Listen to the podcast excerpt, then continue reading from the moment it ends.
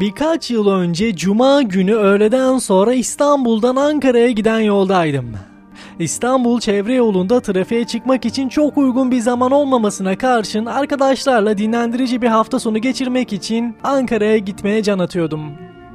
İstanbul'un dış mahallelerinde önümüzdeki arabalar durmaya başlamıştı. Arabalardan oluşan uzun bir kuyruğun arkasında durduğum sırada dikiz aynama göz attım ve arkamdaki arabanın durmadığını gördüm.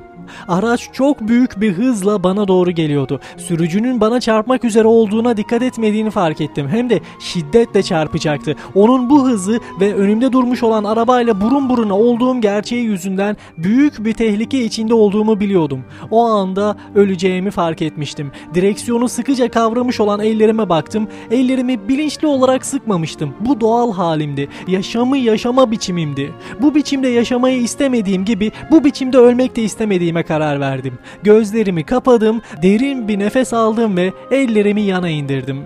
Kendimi serbest bıraktım. Kendimi yaşama da, ölüme de o anda teslim etmiştim.